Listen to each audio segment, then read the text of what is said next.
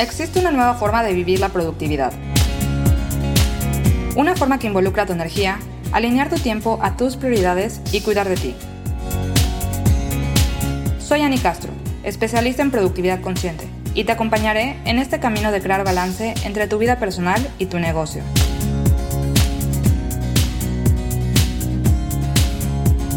Los ladrones de tiempo reducen la capacidad de concentración que tienes y también afectan a la forma en la que gestionas tus horas. Pueden interferir con tus metas, con tus objetivos y también con tus actividades diarias. Y existen infinidad de formas en las que se pueden presentar estos ladrones de tiempo y surgen por diferentes factores que van desde los internos hasta los externos. Y los internos pueden ser creencias, bloqueos, conductas y los externos son todos los tipos de distractores que puedes encontrarte. En el episodio de hoy te voy a compartir sobre tres ladrones de tiempo para que aprendas a identificarlos y también para que tengas herramientas valiosas que te ayuden a afrontarlos cuando se presenten. El primer ladrón de tiempo es sobrepensar y surge cuando pases más tiempo pensando si hacer o no hacer algo, analizando las alternativas, que el tiempo que te hubiera tomado realizar esa acción. Y un ejemplo de esto puede ser proyectos o puede ser también en hábitos. A mí me pasaba muchas veces, sobre todo en, en cuestión de hábitos, cuando quería empezar a hacer algún deporte o implementar algo nuevo en mi vida. Y siempre era algo como, quiero hacer ejercicio hoy, pero ¿a qué hora lo hago? Bueno, y si no hago ejercicio hoy porque mañana voy a salir a caminar, o tal vez mejor puedo, mejor si lo hago ahorita o, lo voy a hacer a tal hora. Y entonces le empiezo a dar muchas vueltas a lo mismo y le dediqué mucho tiempo a eso en vez de simplemente hacer la acción. Y sobrepensar nos puede tomar dos, tres, cuatro horas y la actividad en cuestión en realidad me tomaba solo 30 minutos. Esto puede pasarte muchas veces y a cada quien le va a pasar en momentos diferentes. Hay cosas que para mí se han dado supernaturales, como emprender, siempre he tenido estas ganas de emprender y de hacer proyectos nuevos y he pasado de un proyecto a otro desde que inicié este camino. Y eso no lo sobrepensaba, como que simplemente tenía las ganas y lo hacía y me metía de lleno. Pero las decisiones dentro de este emprendimiento o dentro de mis emprendimientos anteriores eran las que sobrepensaba mucho, al igual como te acabo de compartir con los hábitos. Lo importante es que sepas que a ti se te puede presentar este ladrón de tiempo en circunstancias diferentes que a otras personas y no lo que aplique conmigo va a aplicar contigo. Y algo que te quiero compartir sobre este ladrón de tiempo es una herramienta que a mí me funciona muchísimo y es muy sencilla, pero muy, muy efectiva. Y es hacer una lista de pros y contras. Esto cuando se trata de proyectos y cuando te quiero tomar una decisión importante, me siento, en vez de estar solo pensando y pensando y teniendo todo en mi cabeza, lo aterrizo en papel, lo plasmo y eso me ayuda a sentir que estoy haciendo algo al respecto y ya no le tengo que dedicar tantas horas o tanto tiempo en mi cabeza, simplemente me siento a trabajarlo en un papel. Y es muy sencillo, en un papel hago una línea en medio y en un lado escribo los pros y en otro lado escribo los contras de esa decisión. Y me dedico un tiempo en específico. Me puedo poner, por ejemplo, una hora máximo para hacer esta lista y me siento a empezar a escribir, a rellenarla. También hago un poco de investigación para complementar esta lista. Y en el caso, por ejemplo, de cuando se trata de un hábito, lo que me funciona para dejar de sobrepensar es identificar en qué momento del día lo voy a realizar. Si quiero hacer ejercicio y estoy dándole mil vueltas de a qué hora del día lo voy a hacer, me pongo un horario en específico. Hay ciertas veces que no podemos tener un horario en específico. Por ejemplo, en este momento de mi vida estoy practicando natación, pero no puedo tener un horario fijo porque hay días que llueve y hay muchos truenos y rayos y no puedo nadar con rayos y truenos. Entonces tengo como dos horarios eh, disponibles. Uno es a las 9 de la mañana y otro es a las 5 de la tarde. Si un día checo el clima y veo que a las 5 de la tarde van a haber rayos y va a estar lloviendo muy fuerte, entonces voy a nadar temprano. Y si un día me atraso con el trabajo y no puedo ir a las 9 de la mañana, entonces sé que voy en la tarde pero eso ya no me hace estar sobrepensando en qué momento voy a dedicarle tiempo, porque ya tengo ahí dos opciones para realizar este ejercicio. El segundo ladrón de tiempo es el perfeccionismo. ¿Y qué es el perfeccionismo? Pues es la búsqueda inalcanzable de la perfección.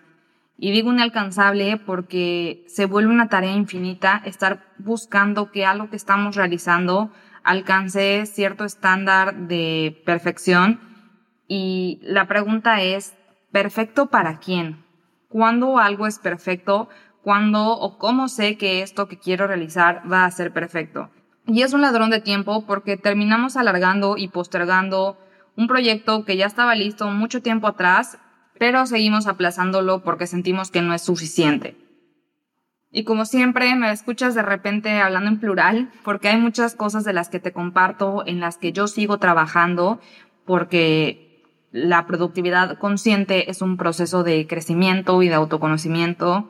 Y algo con lo que yo he lidiado durante mucho tiempo es precisamente con el perfeccionismo.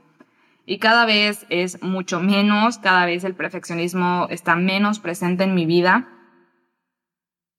Pero hay momentos en los que se vuelve a presentar, en especial cuando son proyectos nuevos o cosas nuevas. Otra vez siento que tengo que dar un 100%, que, que nunca sé cuándo es suficiente y que siento que le hace falta y que todavía no logro llegar a donde quiero y me empiezo a desesperar por tener este estándar, este mismo estándar en algo nuevo que estoy empezando, que en otras áreas donde ya tengo más experiencia.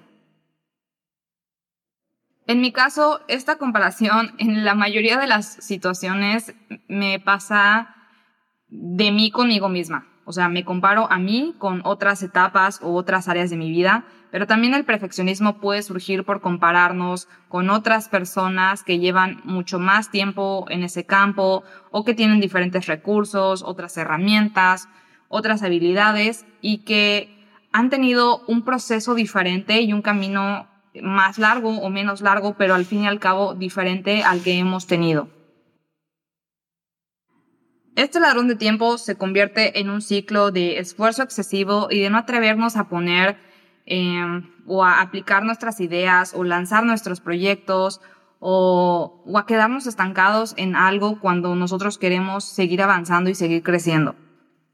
Algo que resonó mucho conmigo y que me ha ayudado a bajar exponencialmente mis niveles de perfeccionismo es trabajar internamente en mí, acompañada de mi psicóloga, identificar qué era lo que me hacía exigirme tanto, qué era lo que me hacía sentir que no era suficiente y también aprender a desvincular mi trabajo y mis resultados con mi valor como persona.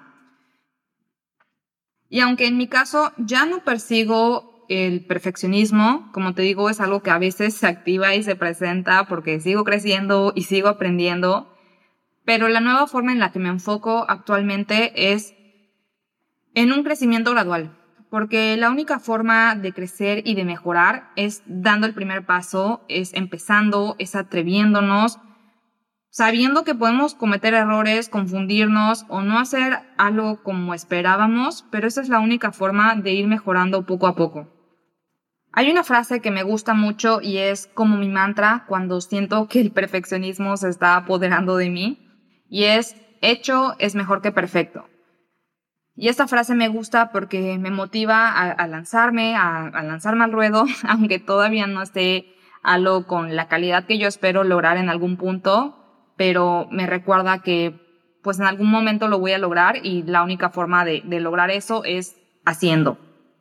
Y no hay que confundir, o, con todo esto no me estoy refiriendo a que no te esfuerces y que no hagas cosas de calidad, es de nuevo, simplemente saber que puedo hacer algo de calidad y algo de excelencia, sabiendo que poco a poco puedo ir mejorando y que puedo ir creciendo. Y la herramienta que te quiero compartir para que puedas ir bajando el perfeccionismo es medir tu progreso. Es saber a qué aspiras a llegar y hacer como un mapa de crecimiento gradual. Y te voy a poner un ejemplo. En mi caso de los cursos online, yo desde hace mucho tiempo sabía que quería tener una plataforma de cursos online con los cursos ya pregrabados y que las personas lo puedan hacer a su propio ritmo y avanzar poco a poco. pero no tenía ni los medios, ni sabía cómo hacerlo y tampoco me sentía muy experta hablando sobre un tema. Aunque yo me sabía bien la teoría y tenía experiencia en los temas, no sabía cómo enseñar, no tenía experiencia como profesora. Entonces mi mapa de crecimiento gradual era de la siguiente forma. El punto número uno era dar cursos en vivo eh, vía Zoom, esto porque no quería echarme toda la, la chamba de, de grabar un curso sin saber si ya era bueno, si ya podía yo ofrecer de verdad algo de calidad. Entonces preferí empezar dando cursos en Zoom para foguearme, para desarrollar esta capacidad de hablar y de explicar un tema y también para pulir estos mismos temas. El segundo punto era que la información sea clara y aplicable como te digo, yo quería que la gente se llevara herramientas muy precisas y que pudieran aplicarlo y que salieran del curso sin dudas. Y esto lo fui logrando dando el mismo curso en vivo, en Zoom, varias veces. Y al final de cada edición yo hacía preguntas en vivo y estas mismas preguntas yo analizaba, veía dónde era que se trababan o qué partes de lo que yo enseñé no estaban entendiendo y eso lo actualizaba para la segunda edición del curso. Y así, después de cuatro veces, sentía que el curso ya era aplicable, sencillo de entender. Y justo en este momento estoy en el proceso de grabar esos cursos que di en Zoom, ahora sí de forma pregrabada, para subirlos a una plataforma. Y también tengo un mapa de crecimiento gradual para este proceso en el que estoy. Yo sé que en este momento lo voy a hacer de determinada forma, pero en algún momento más adelante voy a actualizar estos cursos con nuevo material, también cuando salgan nueva información, cuando yo tenga más equipo para, para grabar y tener mejor calidad en los videos y en lo que voy a entregar. Pero la única forma, en mi caso, de lograr ese nivel de excelencia que yo quiero ha sido avanzar poco a poco.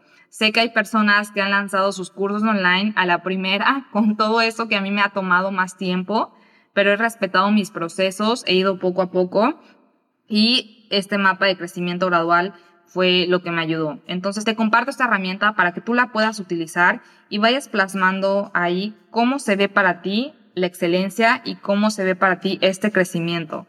Porque de esta forma, al medir tu progreso, vas a ver tus avances y te va a permitir dar estos pasos que necesitas para sentirte más seguro y con más confianza para ir desarrollando tus proyectos sin sentir que tienes que hacer algo perfecto y te ayuda a crear cosas de calidad y de excelencia a tu propio ritmo y poco a poco. El último ladrón de tiempo del que te voy a hablar hoy es la multitarea, que consiste en creer que haces muchas cosas al mismo tiempo. Y usé la palabra creer porque en realidad no estás haciendo muchas cosas al mismo tiempo. Lo que estás haciendo es interrumpir una y otra vez las distintas tareas que estás intentando realizar.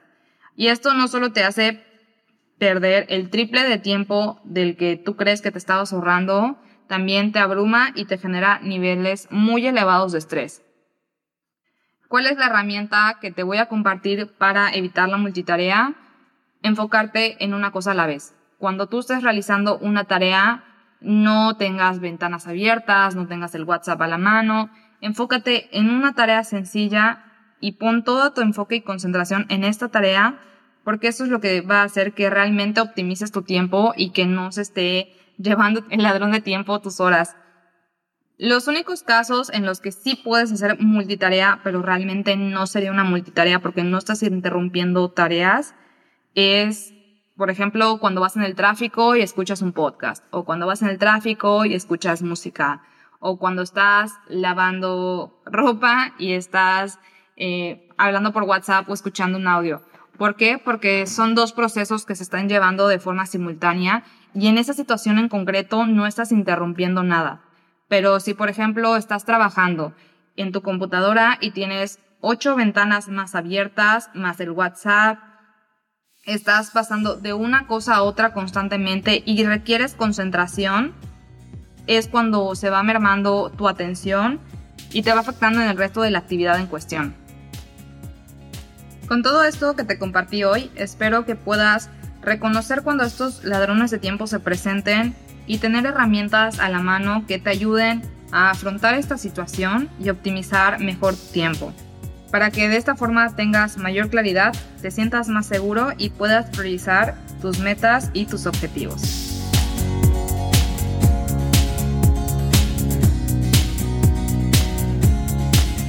Llegamos al final de este episodio. Gracias por estar aquí. Si te gustó, compártelo. Me encantará leer tus comentarios en nuestra comunidad de Instagram arroba tengo planes. Te espero en el próximo episodio con más herramientas y reflexiones de productividad, bienestar, mentalidad y negocios.